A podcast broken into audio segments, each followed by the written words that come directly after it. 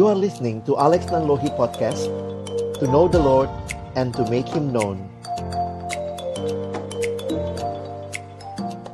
Baik Bapak Ibu, Saudara yang dikasihi Tuhan, mari sebelum kita membaca merenungkan firman Tuhan kita berdoa. Bapa di dalam surga, kami bersyukur, berterima kasih untuk cinta kasih dan anugerah-Mu yang Tuhan berikan kepada kami sehingga hari ini. Kami bersama-sama boleh datang beribadah, memuji, memuliakan namamu, dan tiba waktunya bagi kami juga untuk membuka firman-Mu ya Tuhan. Kami akan membuka firman-Mu, kami mohon bukalah juga hati kami, jadikanlah hati kami seperti tanah yang baik, supaya ketika benih firman Tuhan ditaburkan, boleh sungguh-sungguh berakar, bertumbuh, dan juga berbuah nyata di dalam kehidupan kami. Berkati baik hambamu yang menyampaikan, setiap kami yang mendengar, Tuhan tolonglah kami semua, agar kami bukan hanya menjadi pendengar-pendengar firman yang setia, tapi mampukan dengan kuasa dan pertolongan dari rohmu yang kudus, kami dimampukan menjadi pelaku-pelaku firman-Mu di dalam kehidupan kami. Bersabdalah ya Tuhan, kami umat-Mu sedia mendengarnya di dalam satu nama yang kudus, nama yang berkuasa, nama Tuhan kami Yesus Kristus. Kami menyerahkan pemberitaan firman-Mu. Amin.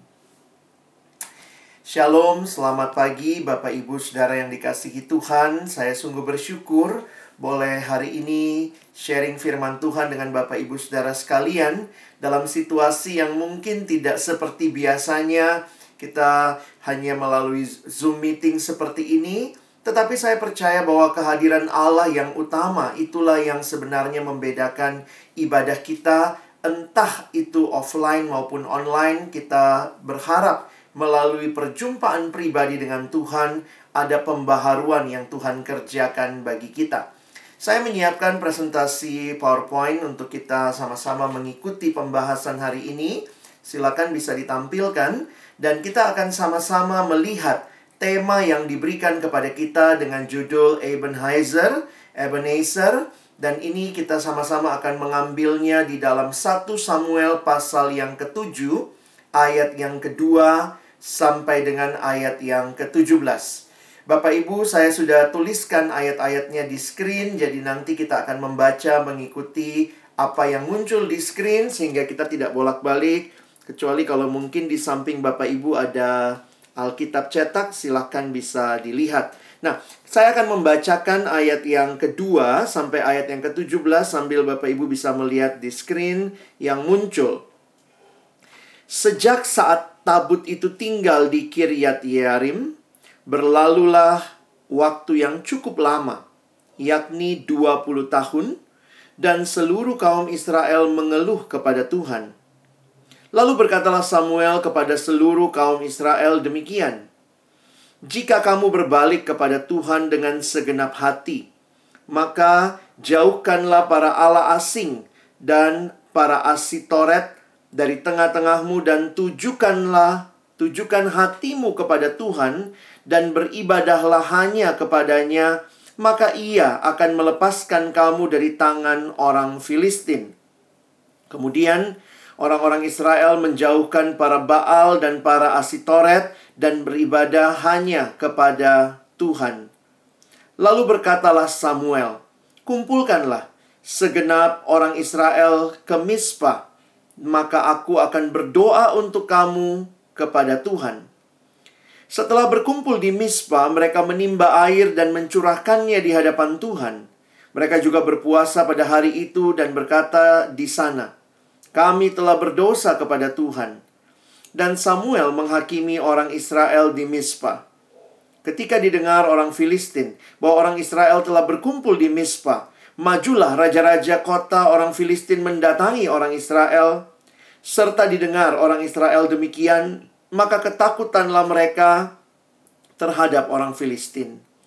Lalu kata orang Israel kepada Samuel, "Janganlah berhenti berseru bagi kami kepada Tuhan Allah kita supaya ia menyelamatkan kami dari tangan orang Filistin itu. Sesudah itu Samuel mengambil seekor anak domba yang menyusu, lalu mempersembahkan seluruhnya kepada Tuhan sebagai korban bakaran. Dan ketika Samuel berseru kepada Tuhan bagi orang Israel, maka Tuhan menjawab dia.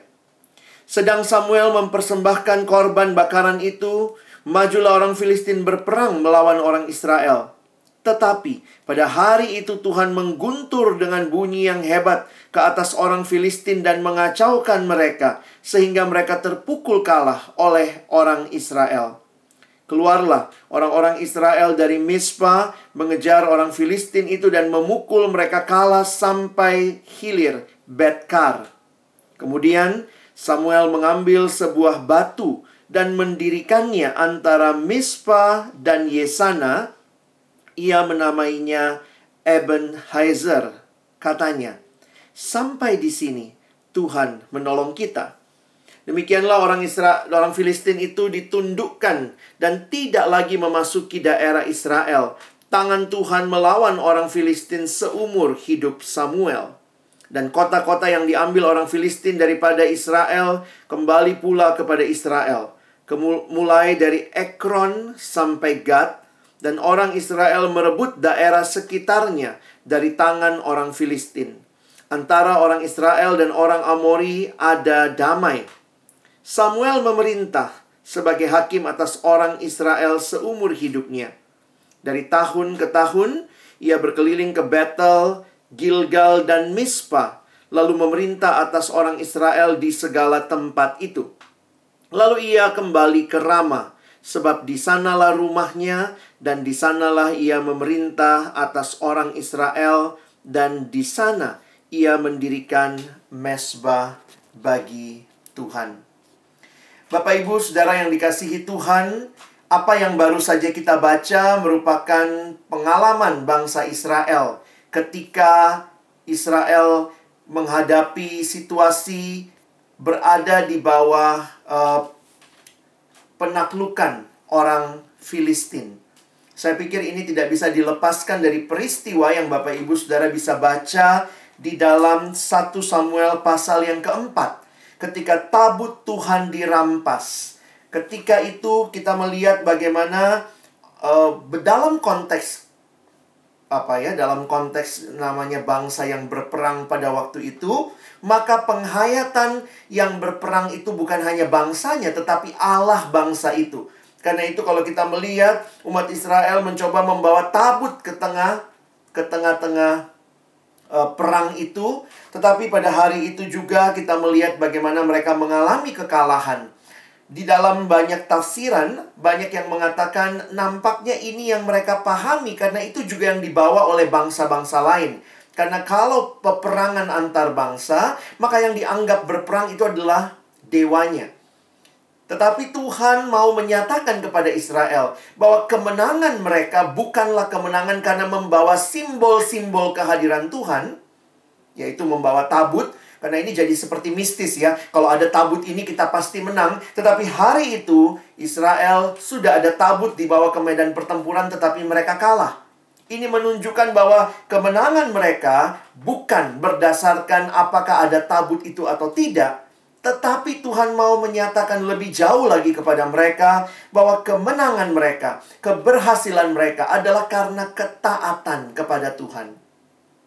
Sehingga kalau kita perhatikan tabut Tuhan kemudian dirampas dan kemudian dibawa ke Filistin dan di sinilah kita melihat bagaimana Israel di dalam ketidaktaatan mereka menghadapi situasi yang tidak mudah. Coba kita lihat sebentar di dalam apa yang kita baca tadi kalau Bapak Ibu memperhatikan 1 Samuel pasal 7 ayat yang kedua ini waktu yang tidak singkat ya. Sejak saat tabut itu tinggal di Kiryat Yearim berlalulah waktu yang cukup lama yakni 20 tahun. Dan perhatikan ada kalimat dan seluruh kaum Israel mengeluh kepada Tuhan. Nah, saya ingin mengajak kita coba lihat sebentar next slide yang ada petanya. Bapak Ibu nanti bisa lihat sebenarnya ya. Dari peta-peta ini bisa di zoom, bisa diperbesar di situ. Kita bisa lihat di mana Kiryat Yearim, di mana Ebenezer, di mana Mispa, di mana Rama. di mana Gilgal. Nah, ini semua daerah-daerah yang disebutkan di dalam apa yang kita baca. Nah, kita tidak akan masuk ke detail sejarahnya karena kita mau mencoba menghayati perenungan ini di dalam konteks tema kita hari ini. Next slide. Saya mencoba membagi outline dalam 1 Samuel pasal 7 ini di dalam tiga bagian besar. Yang pertama dalam ayat 2 sampai ayat 9, Bapak Ibu nanti bisa baca kembali, bisa melihat bagaimana Israel berdosa, dan kemudian mereka mengalami pemulihan ketika mereka bertobat dan datang kepada Tuhan. Lalu bagian yang kita baca di ayat 10 sampai 11 tentang Ebenezer dan nanti ayat 15 sampai ayat 17 keterangan tentang Samuel sebagai hakim. Nah, Bapak Ibu Saudara yang dikasihi Tuhan, saya ingin sedikit menceritakan konteks pada waktu itu. Kenapa Israel setelah mereka keluar dari Mesir, Tuhan bawa mereka diselamatkan dari Mesir, tetapi kemudian mereka masih begitu rupa beribadah kepada Allah-Allah bangsa lain, termasuk Allah bangsa Kanaan, bangsa yang mereka datang dan masuk menduduki tanah Kanaan tersebut.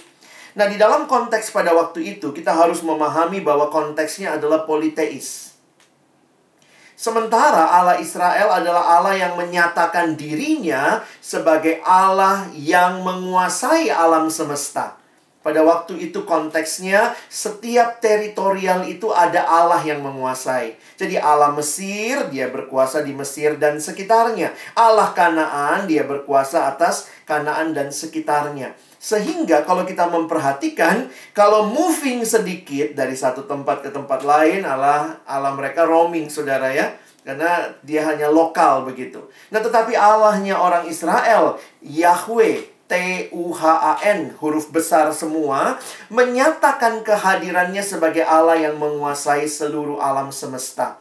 Sehingga waktu mereka di Mesir, Allahnya adalah Yahweh. Waktu mereka ada di Kanaan, Allahnya tetap Yahweh.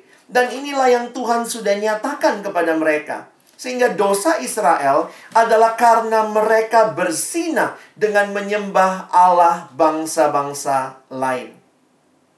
Dosen perjanjian lama saya menceritakan tentang kenapa Israel begitu rupa tidak bisa percaya sepenuhnya kepada Allah sebagai Allah yang berkuasa atas seluruhnya. Nah, kalau Bapak Ibu perhatikan, yang biasanya disembah, kalau kita lihat di dalam tulisan ini, kalau Bapak Ibu tadi membaca di dalam ayat yang um, ayat yang ke kedua dan ketiga, ketiga secara khusus. Lalu berkatalah Samuel kepada seluruh kaum Israel, "Jika kamu berbalik kepada Tuhan dengan segenap hati." Nah, apa yang dimaksud dengan berbalik kepada Tuhan? Maka jauhkanlah para Allah asing dan para asitoret. Bapak Ibu, Saudara yang dikasihi Tuhan, Allah Israel Yahweh memperkenalkan diri sebagai Allah semesta langit. Sebenarnya menarik untuk kita perhatikan istilah ini dalam terjemahan aslinya dalam bahasa Ibrani. Bahasa Inggris menerjemahkan The Lord of Hosts. Jadi Allah semesta langit itu terjemahan Alkitab bahasa Indonesia. Tetapi dengan penghayatan aslinya The Lord of Hosts itu menyatakan dia Allah pemimpin peperangan. Jadi menarik ya. Bapak Ibu, dia Allah pemimpin peperangan sehingga atau dia the the chief the chief head of the army, dia Allah yang memimpin peperangan dan itu penghayatan Israel terhadap Allah yang mereka sembah yaitu Yahweh yang sudah memimpin mereka keluar dari Mesir masuk ke dalam tanah Kanaan. Tetapi begitu sampai ke tanah Kanaan, sulit loh percaya bahwa Allah yang pimpin peperangan itu juga Allah yang berkuasa atas tanah pertanian. Sehingga kalau Bapak Ibu perhatikan, Baal itu dewa, lalu Asitoret itu dewi, ini Baal sama Asitoret katanya ini ya couple begitu ya. Itu adalah dewa dewi kesuburan bangsa Kanaan. Itu yang disembah. Bapak Ibu perhatikan selalu lawannya Yahweh adalah Baal, dewa dewi kesuburan. Kenapa? Karena orang Israel sulit untuk percaya bahwa Allah Israel yang mereka kenal sebagai the Lord of Hosts Allah pemimpin peperangan juga tahu pertanian.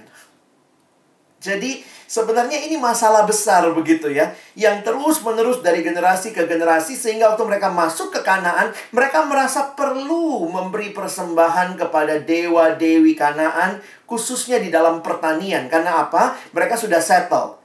Waktu dalam perjalanan dari Mesir kan mereka padang gurun itu itu mereka makannya dari mana?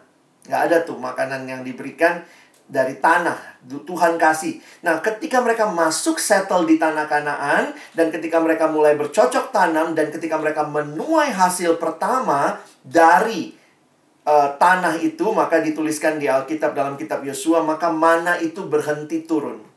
Ya, mananya berhenti turun. Sekarang mereka udah mulai mas uh, makan dari hasil tanah itu.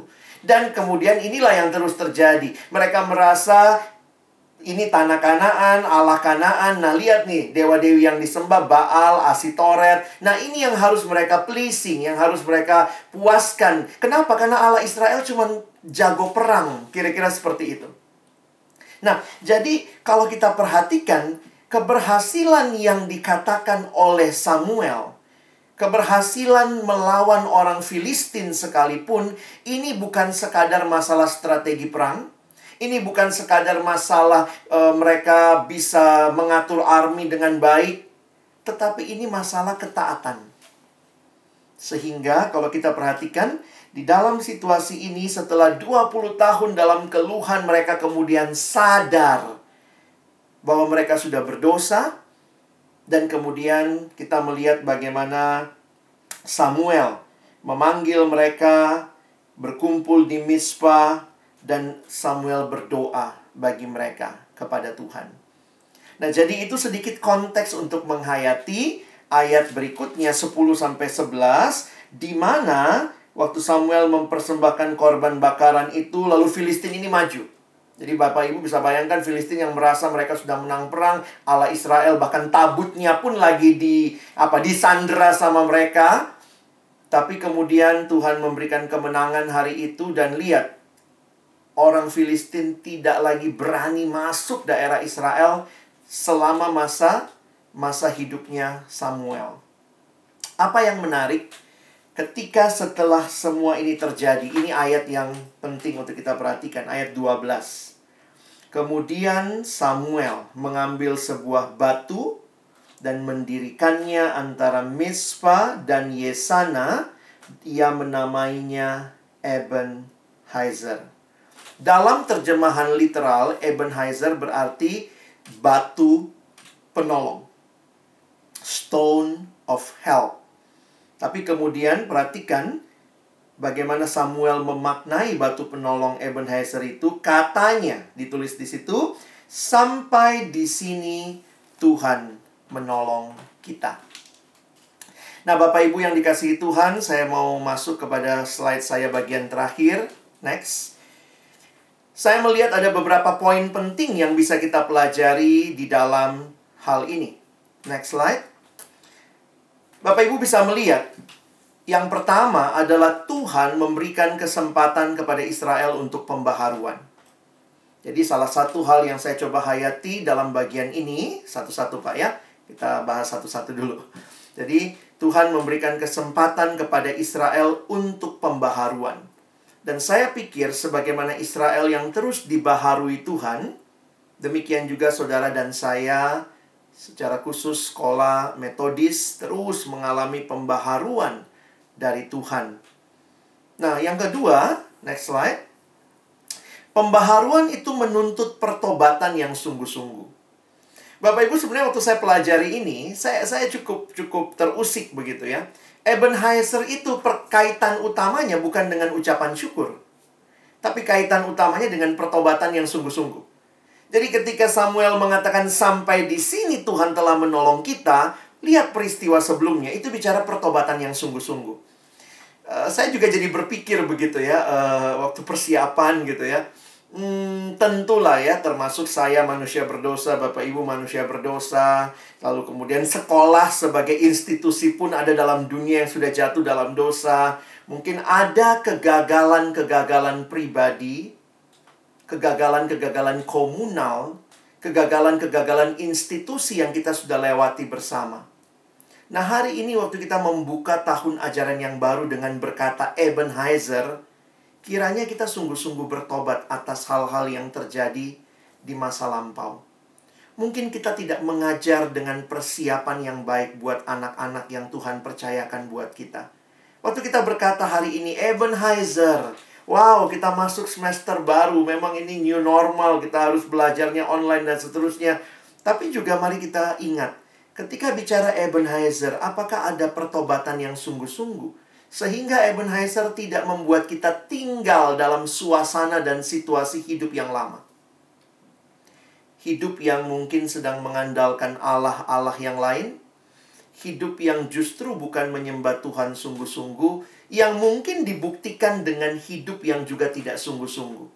Saya pikir ketika orang sibuk dengan yang bukan Allah atau berhala atau Allah yang lain, itu nyata dalam sikap hidupnya.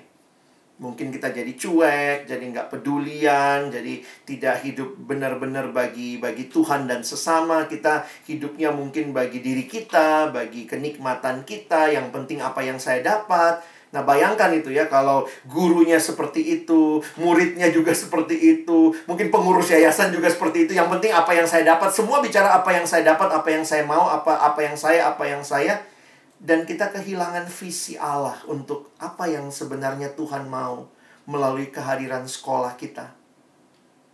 Apakah ini adalah cara Tuhan membawa pembaharuan juga di tengah-tengah masyarakat melalui pendidikan Kristiani yang berkualitas? Dan karena itu waktu hari ini kita bicara Ebenezer, kita bicara tentang adakah hal-hal yang teman-teman, Bapak, Ibu, Saudara, kita sebagai pribadi, sebagai komunitas guru-guru, mungkin guru SMP, guru TK, guru SMA, ataupun juga kita sebagai institusi harus benar-benar berkata, "Tuhan, kalau sampai hari ini Engkau menolong saya, maka saya akan berubah karena Engkau sungguh-sungguh sudah mengubahkan hidupku." Dan nanti kalau Bapak Ibu tadi lihat, next slide, uh, next point ya. Saya melihat bahwa ini pertobatannya diuji ya. Dan bagi saya yang menarik, Bapak Ibu bisa perhatikan ya, dikatakan uh, apa apa ya? Jadi mereka Israel tuh benar-benar berhenti menyembah para asitoret itu. Jadi bukan cuma komitmen di awal begitu ya, tapi benar-benar ada pembaharuan yang total. Dan akhirnya, next slide.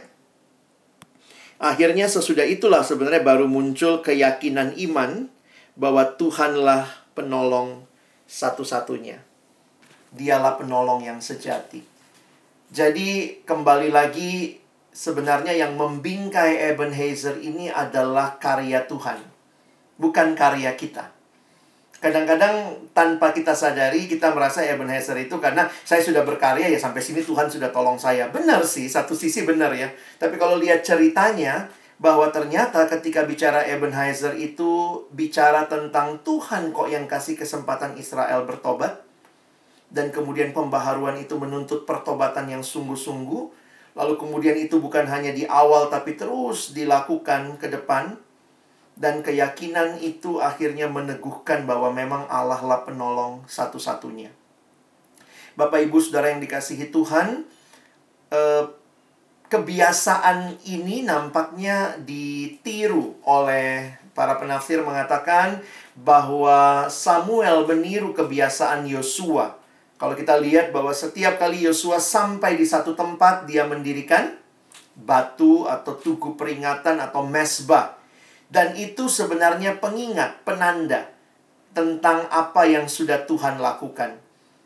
Tetapi bagi saya ketika Yosua mendiri uh, sorry, ketika Samuel mendirikan batu Ebenezer itu, batu penolong itu, sebenarnya itu pun telah menjadi satu peringatan akan adanya pertobatan yang sungguh-sungguh.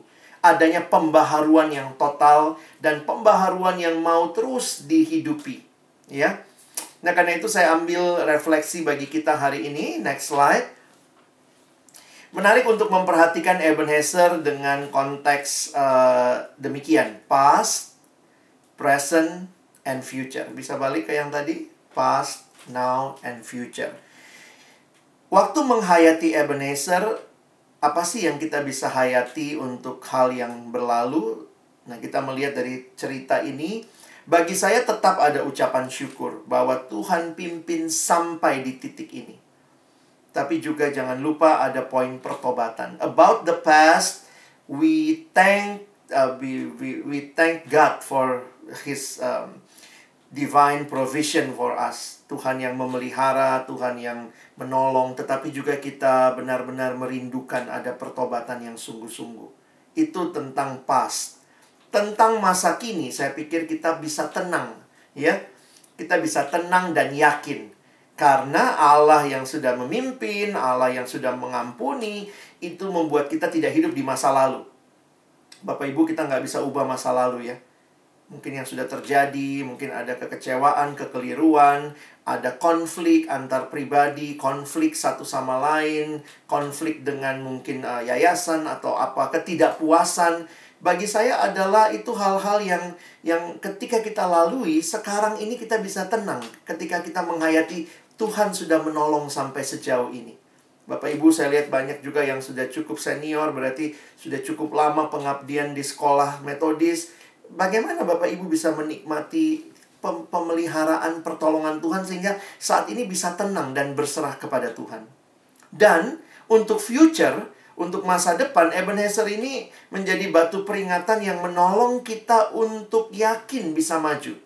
Dengan kepastian bahwa ada Tuhan yang memimpin masa depan kita. Masa yang lalu, kita bersyukur, kita bertobat sungguh-sungguh, masa kini kita bisa tenang dan masa depan kita bisa pede, confidence. Ini bukan pede ya. Kalau pede mah jadi percaya diri, harusnya PT, percaya Tuhan ya. Kita maju karena kita percaya sungguh-sungguh Tuhan yang sama, Tuhan yang memimpin kita ke depan. Hari ini kalau kita sama-sama ibadah, kebaktian, mengawali tahun ajaran, saya harap ini bukan jadi kebiasaan. Aduh, mesti kebaktian begitu ya. Tapi jadikan ini batu peringatan Next slide. Saya menuliskan begini ya.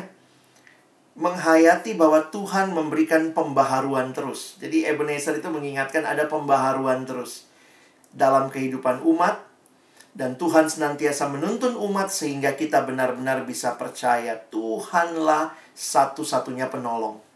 Jadi Ebenezer itu terus mengingatkan kita Tuhan satu-satunya penolong. Nah, itu perjanjian lama. Menarik sekali dalam satu buku yang saya baca dalam persiapan seorang penulis bernama Tim Chester. Menariknya bagi perjanjian baru. Kalau di perjanjian lama Tuhan satu-satunya penolong begitu nyata, maka sebenarnya itu digenapi di perjanjian baru. Next slide, dia menuliskan begini.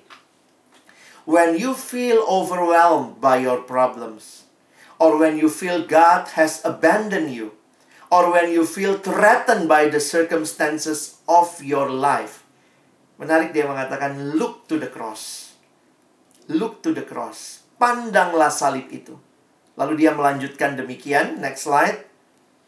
The cross is our Ebenezer. The great declaration of God's help. Di perjanjian lama, batu penolong itu sebenarnya mengingatkan bahwa cuma Tuhan yang sanggup menolong kita. Karena itu bertobatlah kalau masa lalu kita, masa lalu yang penuh dengan kegagalan, maka masukilah ketenangan di masa kini dan keyakinan untuk menapak ke masa depan. Dan sebenarnya, batu itu cuma mengingatkan Tuhan penolong, Tuhan penolong. Di mana lagi kita lihat Tuhan menolong kita yang sangat luar biasa? Lihatlah di salib itu. Karena itu saya senang sekali kutipan ini. The cross is our Ebenezer. The great declaration of God's help. Biarlah Bapak Ibu, next slide. Ebenezer, stone of help. Sekarang kita lebih jelas lagi karena digenapi dalam Kristus. Dialah penolong satu-satunya sehingga kita tidak hidup dalam masa lalu, kita hidup dalam masa kini dan menapak masa depan, mengawali tahun ajaran yang baru dengan terus meyakini pertolongan Tuhan. Tentu ada banyak hal yang mungkin harus berubah. Bapak Ibu harus adjustment, harus cakap menggunakan teknologi dengan situasi seperti ini. Tapi mari pandang kepada salib Kristus. That is our Ebenezer. Kebaktian-kebaktian biarlah bukan hanya ritual, tetapi benar-benar kesempatan menikmati lagi kekuatan dari Tuhan yang menolong kita. Ketika kita mulai lesu, mulai agak malas dengan situasi belajar seperti ini, biarlah uh, devosi-devosi setiap hari melalui kesempatan merenungkan firman secara pribadi mungkin dalam saat teduh pribadi kita dan juga kesempatan komunitas yang saling membangun, saling mengingatkan itu menolong kita untuk terus meyakini bahwa Allah yang sudah menolong kita di masa lalu sedang berjalan terus bersama kita masuk ke dalam masa depan. Sebagai refleksi penutup pertanyaan ini saya tinggalkan bagi kita memasuki tahun ajaran baru ini, apakah saudara, bapak, ibu sekalian meyakini pertolongan Tuhan bagi hidup kita dan juga bagi pelayanan saudara ke depan? Tentu dalam hidup juga ada banyak pergumulan ya. Ada banyak kegagalan di keluarga, sebagai orang tua, ke anak-anak kita, sebagai pasangan, ke suami atau istri kita, atau mungkin kalau belum menikah, sudah punya pacar, mungkin ke pacar kita, atau mungkin juga sesama guru, sesama teman di dalam permainan, di dalam pergaulan. Tapi ketika hari ini kita diingatkan, apakah kita yakin pertolongan Tuhan dan kita mau berserah kepada Tuhan untuk hidup kita, untuk pelayanan kita ke depan. Kiranya Tuhan menolong kita sebagaimana Ebenezer, dia batu penolong, sebagaimana salibnya telah menyatakan dia memberikan segalanya bagi Bapak, Ibu, Saudara, dan saya. Masukilah tahun ajaran baru ini dengan keyakinan Allah setia menyertai kita. Amin. Mari kita berdoa. Bapak Surgawi, terima kasih buat kebenaran firman-Mu mengingatkan kami bahwa Engkaulah satu-satunya penolong Bukan batu itu penolong kami, bukan simbol-simbol itu penolong kami, tapi engkaulah sendiri. Tetapi simbol-simbol itu menandai perjalanan kami, mengingatkan kami waktu kami melihatnya bahwa sungguh Tuhan, Engkau hadir. Engkau tidak meninggalkan kami. Dan terima kasih untuk karyamu yang genap di dalam Kristus waktu kami melihat, memandang kepada salibmu benar Tuhan. Pertolongan kami hanya darimu. Dan karena itu kami mau memasuki tahun ajaran baru. Tuhan kami tidak tahu sampai berapa lama situasi belajar seperti ini. Kadang-kadang kami lesu, lemas. Kami tidak tahu harus berbuat apa. Kami kehilangan kreativitas. Kami jadi bosan juga Tuhan menatap screen cukup lama. Sangat melelahkan. Mungkin juga kami tidak tahu pergumulan keluarga yang Tuhan izinkan kami alami ke depan. Mungkin pergumulan kesehatan, pergumulan ekonomi, mungkin juga pergumulan membesarkan anak-anak kami. Kami juga tidak tahu apa yang menjadi pergumulan dalam yayasan tahun-tahun ke depan. Kami tidak tahu apa yang menjadi pergumulan para bapak ibu guru yang terdalam yang mungkin juga terus menjadi pergumulan yang sulit diungkapkan tapi nyata. Tetapi ketika semua itu terjadi, kami diingatkan ada Tuhan yang menolong dan ingatkan kami terus untuk datang kepadamu, berserah kepadamu Termasuk ketika ada anak-anak murid kami yang mungkin ketika kami tidak bertemu, tetapi ada pergumulan mereka yang juga mereka sampaikan, biarlah kami membawa mereka juga memandang kepada Yesus, satu-satunya penolong yang sejati. Terima kasih Tuhan, pakai kami, pakai komunitas kami, pakai sekolah kami, untuk mengabarkan kebenaran kasih Kristus, penolong yang sejati yang hadir. Dan itulah Ebenezer kami. Bersyukur buat ibadah ini. Terima kasih buat firmanmu. Tolong kami bukan cuma jadi pendengar, tapi jadi pelaku-pelaku firman. Dalam nama Yesus kami berdoa. Amin.